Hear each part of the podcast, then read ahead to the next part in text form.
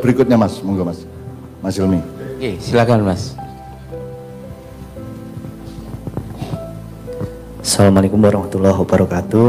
Waalaikumsalam warahmatullahi Uh, Assalamualaikum buat dulur-dulur semua.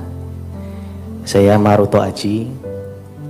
Uh, asalnya dari Gunung Tilu, Jawa Barat. Maksudnya ke sininya dari Gunung Tilu, Jawa Barat, tapi aslinya orang Jogja. Uh, saya mohon izin untuk ikut mengembarai tadi yang dijadikan Mbah Nun. Tiga titik poin yang menjadi refleksi kita malam ini yaitu yang berawal dari subhanallah walhamdulillah kemudian wala ilaha illallah dan dipungkasi oleh Allah Akbar yang tadi disampaikan juga mengenai subhanallah itu ada di dalam titik uh, nafsu atau kalau di dalam konteks Jawa itu di titik karsa saya juga jadi ikut mengembara di mana kalau di filosofi atau falsafah Jawa itu ada tridaya. Ya, itu ada karsa, ada rasa, ada cipta. Jadi kalau kita melihat dalam hal penciptaan alam semesta itu berarti ada karsa dulu.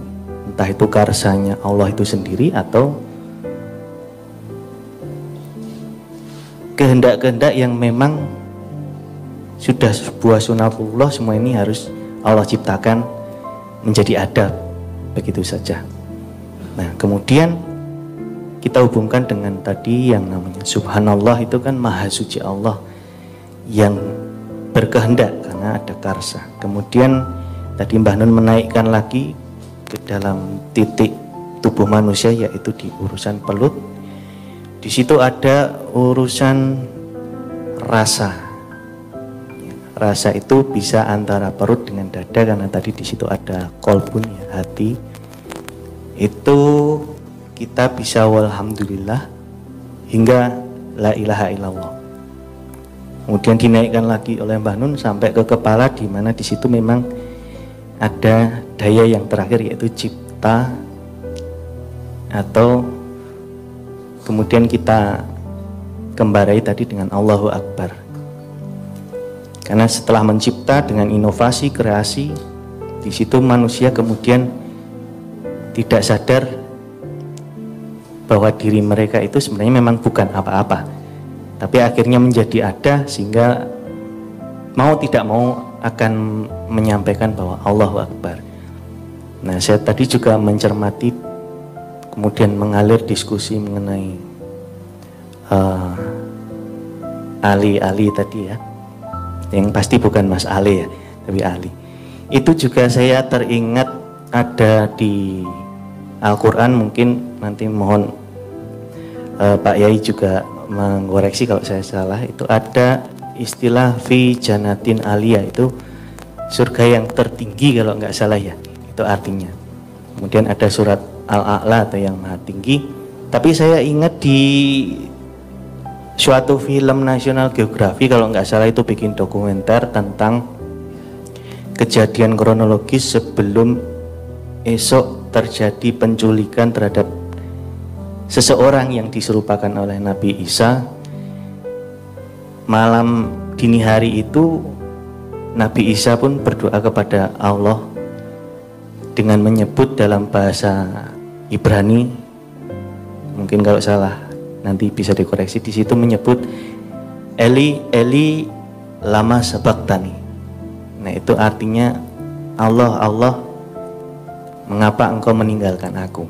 Nah mungkin bisa jadi itu tak adik gaduk tadi Mbah Nun juga menyampaikan Ali yang ditunjukkan itu adalah yang Allah itu sendiri karena di dalam bahasa Ibrani itu juga Eli atau Eloi itu menunjuk pada hal yang sama.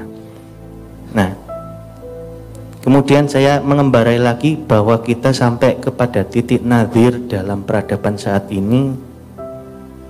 Allah mencipta suatu makhluk yang hanya hanya berapa ukurannya mungkin nano ya. Karena dilihat dengan mikroskop pun nggak bisa. Tapi seluruh dunia sudah gempar sedemikian hebohnya. Hanya dengan suatu RNA kecil yang ternyata kemudian dilabeli oleh manusia itu menjadi suatu penyakit dalam bentuk virus. Yang kemudian kita mengenal dengan SARS-CoV-2 atau nama bekennya itu COVID-19 sampai hari ini kita semua sepertinya seolah-olah uh, bingung untuk berhadapan dengan makhluk yang kecil ini. Karena ini masuknya tataran yang gaib kalau orang awam memang tidak dapat melihat tapi para ahli-ahli yang memang sudah menguasai teknik-teknik untuk melihatnya itu bisa melihat merasakan kehadiran makhluk tersebut. Nah, ini semua juga bagian dari cipta Allah untuk merubah tatanan peradaban yang memang beberapa waktu terakhir ini mungkin saja hasil peradaban, hasil cipta rasa karsa manusia ini sudah sedikit. Dalam tanda petik mungkin saja menurut pandangan Allah itu melampaui batas. Sehingga Allah menurunkan makhluk kecil ini untuk membuat batasan-batasan baru di dalam kehidupan manusia saat ini. Yang kemudian yang saat ini umum kita lihat ada yang disebut apa itu social distancing ya yaitu kita setidaknya diminta untuk jaga jarak, kemudian jaga nafas dengan diberongsong pakai masker dan seterusnya. Di sisi lain kita lupa bahwa jika kita mengamati informasi-informasi yang beredar, sebenarnya virus tersebut karena wujudnya itu hanya untaian RNA ya, bukan DNA. Kalau misalnya virus HIV itu yang sudah terkenal beredar di bagian-bagian yang tadi disebutkan subhanallah tadi itu jelas lebih kokoh kalau dipandang dari sisi ahli molekuler. Tapi kalau RNA ini suatu zat yang mudah rusak sebenarnya. Jadi kalau kita lihat barang yang sebenarnya sudah didesain Allah itu sangat rapuh, sangat rentan saja, itu bisa membuat dunia ini segempar ini Lalu bagaimana ketika Allah itu memasang makhluk-makhluk besar yang dalam bentuk pasak-pasak di muka bumi ini dalam bentuk gunung-gunung. Ya kebetulan belakang rumah saya itu gunung yang puncaknya tiga makanya disebut Gunung Tilu. Di situ terhampar tanaman-tanaman seperti permadani yang manusia kadang lupa untuk menyebut alhamdulillah. Karena kok bisa ada tanaman-tanaman tumbuh di ketinggian seperti itu sementara di Gunung Merapi mungkin di ketinggian tersebut sudah berupa padang pasir. Untuk sementara itu dulu pengembaraan yang saya peroleh malam ini. Nanti monggo uh, Mbah Nun atau Pak Yai juga apa kira-kira pengembaraan ini akan terus berlanjut atau bagaimana saya Andere. Assalamualaikum warahmatullahi wabarakatuh. Sangat bagus mas. Itu sangat menggembirakan kita sebagai pekerja dan aktivis maya ya. Jadi tadabur dan analisis atau permenungan-permenungan seperti itu sangat kita butuhkan bersama. Jadi mungkin itu bisa ditulis sebenarnya Mas ya. Iya, barusan saya mau menyampaikan itu tulis wae nanti kita Tolong kirim ditulis. ya. Meskipun media kita ya cuman itu. Ya tapi tapi Pak Musamil, kenapa orang bertobat? Ya, tobat itu artinya akan kembali ke jalan semula. Ya. Ya, ya. Berarti dia selama ini dia tidak berjalan di jalannya. Iya betul, Berarti salah. betul, Nah salah itu bisa keliru, bisa dosa, bisa dolim, bisa macam-macam ya. betul. Nah, nah pertobatan itu kan hanya dikenal oleh wacana agama padahal pertobatan itu kan sebenarnya satu petunjuk bahwa kamu harus menghitung kembali kamu harus kem- harus harus me- apa, mencari kembali jalan yang yang lebih tepat kan begitu. Nah, sekarang Anda seperti yang Anda katakan barusan, kan sekarang tidak ada pertobatan apa pun Mas dari Covid ini. Apakah Covid ini membuat manusia bertobat? Tidak. Tidak, tidak. Bertobat itu maksud saya apakah ilmuwan-ilmuwan sedunia itu kemudian melakukan introspeksi terhadap kemungkinan mereka keliru? Kan tidak juga. Kan tidak juga. Apalagi di Indonesia tidak jelas informasi dari pemerintah, dari ID, dari sejumlah dokter yang mandiri dan seterusnya. Jadi tidak ada pertobatan dalam arti ilmu, dalam arti pemahaman hidup dan seterusnya.